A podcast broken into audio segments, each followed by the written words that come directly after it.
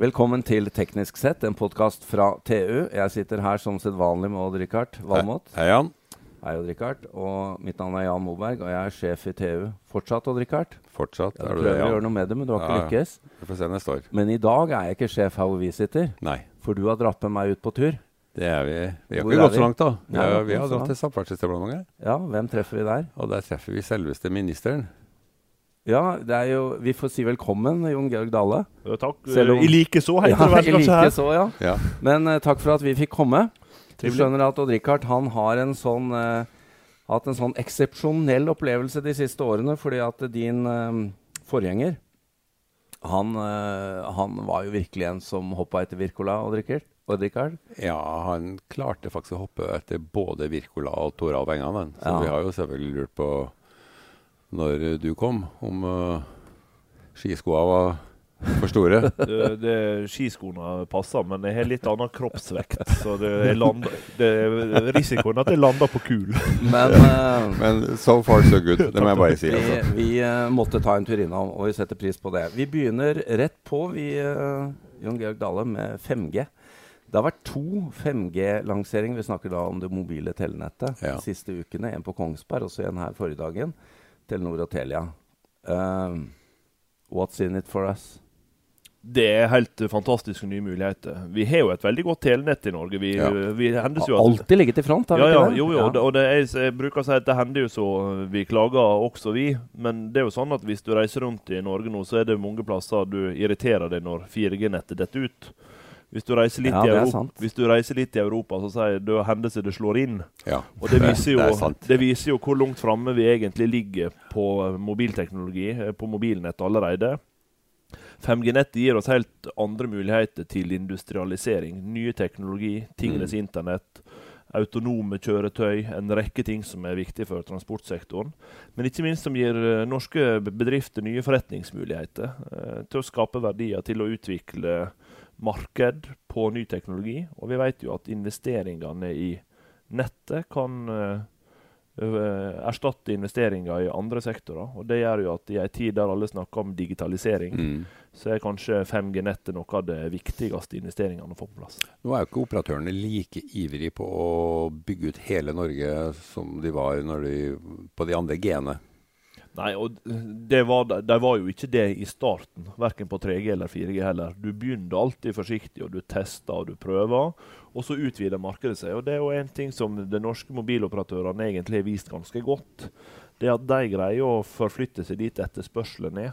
Ja. Og vi har jo sett at med stadig større digitalisering, eh, og der alle deler av landet på mange måter henger med, så er det også eh, stadig billigere å bygge teknologi, og stadig mer kommersielt lønnsomt å gjøre det. og Mm. Derfor så flytter jo den teknologien som ofte begynner i sentrale strøk, kan flytte seg ganske raskt videre i landet. og Det tror jeg den kommer til å gjøre med 5G også. Men da må vi bare hoppe til én ting med en gang. Fordi uh, det er en ting som uh, Du snakker om verdiskaping. Hva Tenk om vi kunne fått ordentlig dekning på togstrekningene? Dale? Det har vært veldig bra. Og på Mm. noen togstrekninger er det eh, veldig dyrt, fordi der er ikke infrastruktur på plass. Du må inn i tunnelene og drage nye, eh, Mm. nye eh, kabler og lignende. På den andre sida er det noen enkle grep. Ved å skifte responderne i togsettene så kan du få mye bedre mobildekning på en god del tog. Så det er jo mange grep vi ser på hvordan vi kan løse i tida framover. Ganske enkelt fordi at hvis eh, stadig flere skal velge tog, det håper vi de gjør, Mm. det har de vist at de gjør, Bruke tida effektivt? så betyr det også at hvis du i større grad kan jobbe på toget, så er det eh, effektiviserer det hverdagen til folk. og Derfor så eh, blir det viktig oppgave i framtida. Det har jo vært Det er jo egentlig tre aktører pluss eh, på en måte staten, eh, i tillegg til Bane NOR, da. Som, så det har vært en sånn sjonglering her i veldig, veldig mange år. Ja da, det har du rett i, men, men det som er utfordringa i dag, er at også der det er utbygd digital infrastruktur, får vi den i for liten grad inn i toget. Mm. Det er relativt små investeringer som Eller små investeringer, det er jo ingenting som er små investeringer i våre dager. Det koster jo fort 100 millioner. ja. Men, men det er i hvert fall langt billigere enn å skulle eh, trekke kabler i områder der det ikke var. Og det gjør at veldig mange vil oppleve vesentlig forbedra dekning på toget, uten at du tar de aller største milliardinvesteringene. ja, for dere har vel spytta nærmere 100 millioner inn i det her Det er korrekt. ganske nylig. Mm. Alle sitter jo med sine telefoner og Ja, og prøver å få, få dekning. Mm. Vi, må, vi har jo en annen måltid her, så vi må innom disse temaene. Og Richard, Og Ja. du har jo også ført opp nødnettet. Ja, altså nødnettet versjon 2, da, om vi skal kalle det det, det, det skal jo ligge i de kommersielle nettene. Og da er jo det store spørsmålet hvem, hvem skal få det? Og vil ikke da den som får det, få en formidabel fordel? De får altså ganske mye penger for å bygge ut og holde det her nødnettet mot den andre. I utgangspunktet så er jeg opptatt av å styrke konkurransen mellom aktørene. Ja. Det er jo grunnen til at regjeringa prioriterer så sterkt å prøve å få opp et tredje nett. Det er jo for å styrke konkurransen. Og så har Vi jo valgt, vi kunne jo valgt å kjøre et eget nødnett på utsida av de kommersielle aktørene. Vi tror vi får mer igjen for pengene og mer Ja. stabilitet i netta samla til den norske befolkninga med å velge å bygge det ut gjennom de kommersielle aktørene. Og Det gjør at jeg er trygg på at vi skal klare å ivareta konkurransedimensjonen mellom aktørene på de kommersielle tjenestene, samtidig som vi får et utbygd nødnett gjennom én aktør. Hvor lang vil en sånn avtale være om, for et nødnett? Det eh, er vi, vi jo inne i konkrete vurderinger på. Det Ja. eh, betyr jo at de, de vurderingene må vi foreta samla. og det eh, Vi er nok i en vurderingsfase på det også de kommende eh, ukene og Ja. Det blir jo spennende å se hvordan du har tenkt å få til det. Men eh, for at eh, det står for meg som om at én vil da få en betydelig fordel, altså når de får såpass mye statlige penger for å vi virkelig booste opp nettet. Ja, vi- men vi, skal, vi, altså, vi, vi er opptatt av at vi skal kjøpe dette på en måte som gjør at vi også sørger for framtidig konkurranse mellom ekomtilbyderne. Det er vi helt avhengig av. Uh, og vi vil styrke konkurransen. Derfor er vi opptatt av å få til et tredje nett. Og dere kan legge til grunn uh, at vi skal innrette oss sånn at vi bidrar til størst mulig konkurranse også når vi gjennomfører dette. Mm. Det blir spennende å, å sjekke ut når det kommer. Ja, det, dette blir spennende. Vi er nødt til å også snakke litt om graveforskriften. Den, den er det ikke alle som, som tar inn over seg av kommunene. Nei, dessverre. Og det er Ja, da, da snakker vi bare til lytteren, da snakker vi om å få ut fiberdekning ut i kommunene. Ja, de må, Av og til så må enkle... man grave over en vei og, og Ja. som kommunen ikke liker. Ja, det er jo det ene, men det andre er jo at vi grev jo i mange tilfeller mye dypere enn vi hadde trengt om for å legge kablene. Ja. Og det drar med seg noe grusomt med kostnader. Og litt paradoksalt i politikken er at alle sier at ja, men vi må, staten må betale for mer utbygging av bredbånd. Eh, Og det er for så vidt greit, det er jo enig i det. Det er derfor vi har også satsa på det i Mm. de årlige budsjettene. Men samtidig så vet vi jo at det ville vært kommersielt lønnsomt i flere områder hvis vi faktisk forvalter den forskrifta som vi har endra, Mm. som gjør at du ikke trenger å grave så dypt, ikke trenger å pådra seg eh, så store kostnader. Hvis kommunene hadde forholdt seg til den, så kunne altså flere få tilgang på bredbånd raskere enn en i dag får. Derfor har jeg sagt med KS at dette er en av de tingene de nå må riste sine medlemskommuner på, sånn at de faktisk får eh, begynne å praktisere. Trenger vi et gravepoliti, eller? Nei, vi har, vi har nok andre ting å bruke politimyndighetene på i Norge. Eh, men det er, lurt, det, men det, det er lurt at, eh, at eh, lokale politikere faktisk bidrar til å gi folket sitt bredbånd. Og det kan de gjøre gjennom å praktisere praktisere graveforskrifta. Nå skal vi rett videre til et av favorittområdene dine, Odd Rikard, nemlig 700 MHz-båndet. Ja. Der har jo dere gjort en fantastisk innsats på å få røska det løs fra TV-distribusjon eh, to år før. Men auksjonen er jo litt forsinka nå. Og det her skal jo i drift i slutten av eh, neste år. Du, jeg, har- sagt det, det var veldig irriterende når eh, svenskene kom før oss på Ja. auksjoner på dette. Men jeg, sa, jeg har derfor sagt at det er ikke viktig om du er først på startstreken, det er først i mål som teller. Første mål, ja. Uh, og jeg er sikker på at vi har lagt opp en prosess som gjør at vi har fått frigjort dette vannet. Det Mm. skulle egentlig gå to år til vi hadde uh, tak på det. Nå kjøper vi det løs uh, gjennom statsbudsjettforslaget vårt for 2019. Vi er opptatt av å jobbe så raskt som mulig og så godt som mulig med eh, frekvensanbudene, slik at vi får et raskt og godt resultat. Ja. Og da eh, eh, har jeg sagt det får heller våge seg at jeg var litt etter svenskene på startstreken. Jeg skal slå dem i mål. Det er Nei, godt. Nei, Det er, lista så det er som eh, Northug da. Nå er jo ikke alle sagt det. som har eh, 700 MHz-båndet som et av sine favorittemaer og våkner hver dag og gleder seg til heller, Aldri, Nei, ja, men det har jeg tenkt på i mange år. Ja. Det er et vakkert bånd. Eh, eh, siden vi er inne på disse nettene, det er mye snakk om sikkerhet eh, for tiden, Dale, og sikkerhet i telenettet. Hva tenker dere? Er det staten eller operatørene som skal forsere denne innsatsen? Og, hvor stor utfordring er det for staten? Det, det er helt avgjørende når vi nå skal flytte flere funksjoner om, mm. inn i uh, telenettene våre. Så øker vi altså sårbarheten og risikoen i nettet. Og den skal vi håndtere ikke bare i fredstid, men i krise og krig. Ja. Og Det betyr at det fordrer at både staten som regulator uh, og som kjøper av tjenester uh, tenker nøye gjennom det. Men det fordrer også at selskapene som leverer disse tjenestene, er veldig bevisst at det blir en annen sikkerhetsdimensjon. Mm. Pga. at vi øker sårbarheten i nettet vårt fordi vi legger inn flere funksjoner, men også fordi verden er i endring. Uh, og Det uh, gjør at vi på begge sider av bordet, både tilbyderne, eierne av den digitale Mm. infrastrukturen, og vi som stat, må Mm. både være sikre på hva vi lovregulerer, hva vi har kontroll på av det. Og ikke minst så krever det altså helt bevisst holdning hver dag for de som gjør de operative vurderingene, og ha sikkerhetsdimensjonen eh, eh, langt framme i pannebrasken. Og det, det blir eh, stadig viktigere i åra som kommer. Eh, og Derfor har jeg vært veldig tydelig også med aktørene på det. Det er ikke sånn at det går an å sitte og peke på hverandre. Her har en et ansvar på alle sider av bordet, og det må en ta. Og her er det også faren for at, uh, uh, altså at angrepet skjer i fredstid. At det bygges opp i fredstid uten at vi merker det. Det er jo det som er eh, poenget med sårbarhet. Det er jo at eh, hvis vi skal være forberedt på den, så må vi planlegge for det som vi egentlig ikke tror at skjer.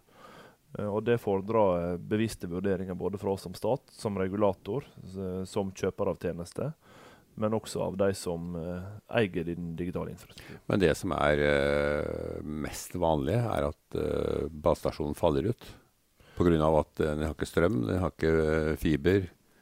Det er helt rett. og Det er jo klart, det er jo ei ofte en geografisk avgrensa problemstilling som Ja. viser litt av den sårbarheten vi potensielt kan få i hele rettene våre. Mm. hvis en ikke tenker nok sikkerhet. Og Det er jo også grunnene til at vi driver med forsterka ekomutbygging i mange sårbare kommuner nå.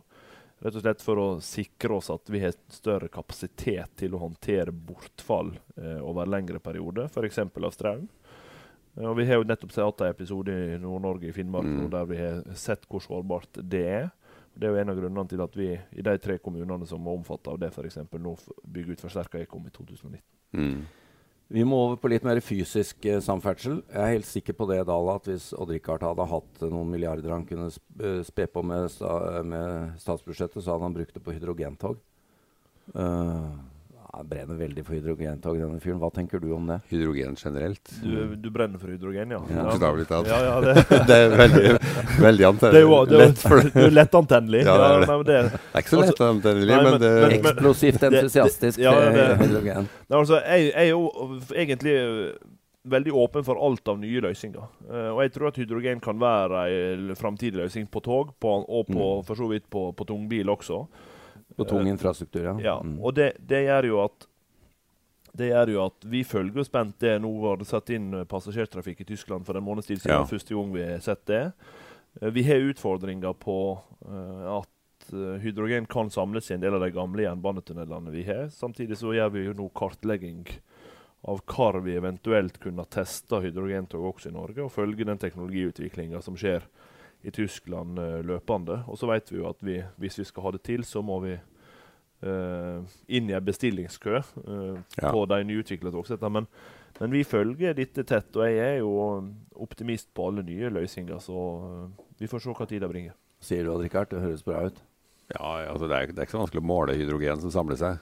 Det er en enkel hydrogensensor. Mm. Så det går an å stenge en tunnel hvor det ligger ei hydrogenpropp. Om så skulle skje. Og det er du helt rett i. Problemet er jo at hvis det medfører at du der ikke er trekkviftesystem som får den ut, Ja. eksempel, sånn at i praksis så stenger du jernbanestrekning over lengre periode, da har vi utfordringer. Og det er det som, er, det, er det som blir avveininga. Ny teknologi, modenhet i den, Mm. eh, men samtidig oppgradering av infrastruktur som gjør at vi greier å holde oppe, oppe tida. Og det er jo tross alt for de fleste togpassasjerer er det det som betyr noe. Går toget når det skal, og kommer det dit det skal. Ja. Uh, og det, det er balansen i de to tingene vi må finne ut av. Tenkte ikke på dette den gangen med hest og kjerre gikk gjennom disse gamle tunnelene. Metanansamling oppi taket. Nei, da hadde man en kanarifull, da, vet du. Ok. Um, vi innser at vi må gå mot uh, innenfor landing her. Men én ting vi er nødt til å spørre deg om, Dale, i tillegg, er jo dette med autonome biler og um, uh, samferdsel. Forgjengeren din hadde jo veldig mye å si om det. Har du arvet den interessen? Ja, eh, det har jeg. Eh, men så enda viktigere enn det at vi som uh, førere skal slutte å holde i rattet, tenker jeg jo at de, den teknologien som vi kan, eller som skal muliggjøre det, den kan vi bruke til fantastisk mange andre ting. Det, det dette handler om, er jo at bilen får sanntidsdata som man mm. sjøl kan bruke til å styre seg. Blant annet via 5G-nettet. Blant annet via 5G-nettet. Ja. Men tenk bare hvor mange muligheter det gir til å fylle bilen med informasjon, som gjør at du kan ta andre veivalg, bokstavelig talt, ja. hvis du er ute og kjører, der det er ledig kapasitet i infrastrukturen. Du kan få beskjed direkte til bilen din om hendelser lenger framme på veien. Eh, gir utallige muligheter til at vi kan ta opplyste og bedre valg mm. som førere. Mm. Og som også gjør at vi kan utnytte kapasiteten vi har i infrastrukturen bedre. Det betyr at hvis du kommer til Oslo sørfra en dag, så kan du få beskjed om at i dag er det spesielle utfordringer. Du bør parkere bilen din i Drammen og ta toget hvis du skal rekke møtet, mm. som er 13.05. Fordi bilen har fått den dataen. Mm. Det, gir, altså det, gir, helt eventyrlige nye muligheter i måten å reise, planlegge transport på. Og nesten enda viktigere enn at vi har autonome biler, er at vi klarer å bruke teknologien til det. For det forenkler hverdagen for folk eh, betraktelig. Ja, Hvis alle delte hvor de skulle, så hadde det vært mulig å gjøre litt logistikk på det? Det uh, er jo sånn at vi deler jo stadig mer informasjon. Ja. Uh, og vi er jo, Selv om vi er, er opptatt av personvern, så er det sånn at veldig mange av oss tilgjengeliggjør veldig mye informasjon. Mm. Og hvis uh, den er godt beskytta, så kan jo også det muliggjøre helt andre måter å planlegge reise vår på. Og Det tror jeg øker mobiliteten i befolkninga. Det gir større grunnlag for vekst og verdiskapning, og det gjør at uh, transportsystemene blir bedre utnytta. Du, uh, Vi er nødt til å ta to ord om elektriske fly også. Uh, vi liker jo å tro her i Norge at her ligger vi litt foran i løypa. også fordi vi har dette kortbanenettet. Hva er dine tanker om det? Ja, Vi ligger jo også tidlig i løypa her, som vi er på elbiler, som vi er på mye annet som går på alternative uh, drivstoff, om du vil. Um, og det tror jeg det er potensial i noen år fram i tid. Jeg er en av de som sliter med personlig rekkeviddeangst. Så jeg, ja. er jo, selv om jeg er teknologioptimist, så, så er jeg jo litt betrygga over at det er litt ekstra kapasitet om bord. Men det er jo ingen tvil om at uh, en sier jo at om fem-seks år mm. begynner du å kunne ha uh, små passasjerfly ja. i, i aktiv drift. Og det er jo en ting de siste 20 åra har vist oss, det er at det vi tror om teknologi, det kommer, og så kommer det flere ganger sterkere og mye raskere enn vi trodde. Mm. Sånn at, at, det kan være en del av framtida, det tror jeg ikke er nok tvil om. Vi må ta et avsluttende tema. Richard. Vi snakket om det før vi kom hit. Um, E39. Fryktelig dyrt å gjøre den ferjeløs. Og vi uh, har akkurat nå kommer temaet opp igjen at vi bruker jo mye penger på å lage infrastruktur til få mennesker på din del av landet der du kommer fra, blant annet.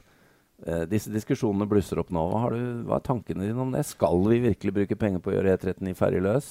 Er det verdt å bygge, bruke så mange milliarder på noen hundre mennesker ute i distriktet? Ja, Det er ikke noen hundre mennesker som bor langs E39. Eh, Nei, det, det var to forskjellige ja, temaer. Ja, for all del. Men altså det, jeg, jeg, mener hele den diskusjonen er Ja, det er dyrt. Jeg erkjenner at det er mm. dyrt. Mm. Men utfordringa er jo at Vestlandet er en ekstremt verdiskapende region. Vi må få nyttetransporten ut. Vi må bygge bu- og arbeidsmarkedsregioner som gjør at vi holder folk der, som gjør at vi skaper verdier til dette landet. Vi, vi er et eksporterende land. Vi lever av den verdiskapninga som skjer. Og vi vet at bu- og arbeidsmarkedsregioner er den viktigste driveren for vekst og verdiskapning. Og jeg har sagt, eh, De som mener at vi skal være ferjefast på Vestlandet til evig tid, de undervurderer vekstpotensialet i Vestlandet som region og som eh, premissleverandør for vår felles velferd i åra framover, hvis vi får opp verdiskapninga ytterligere. Mm. Og det gjør at den dimensjonen som vi har, og som jeg aldri hører når vi bygger ut indre intercity, eller ytre intercity, da snakker ingen om kostnadene. Skjønner du, Det koster et par hundre milliarder kroner, det mm. også. Mm. Men det du egentlig gjør, da, er at du bygger større bo- og arbeidsmarkedsregioner på Østlandet. Ja, så hører jeg at folk tenker at vi skal ikke gjøre det på Vestlandet. De som tenker det, de blir, håper jeg forblir i mindretall eh, ganske lenge. For vi skal bygge ut infrastruktur på Vestlandet som vi gjør på Østlandet og i Nord-Norge. Vanskelig å si det om det mot deg Jan. Ja, det, men vi syns det er kult med alle disse nye teknologiske flytebruer og senketunneler. Ja, ja, ja. Det blir veldig mye flott teknologi av det da. Det blir det. Ja, Odd Rikard, hva sier du? Uh, blir det mistillitsforslag mot samferdselsministeren her og nå? Ikke her og nå. Definitivt ikke. Ja da, han besto prøven. Jeg må si det. Det, var, det vil jeg gjerne ha skrift. Jon Georg Dale, takk for oss. Takk for at vi fikk komme. Veldig trivelig. Takk.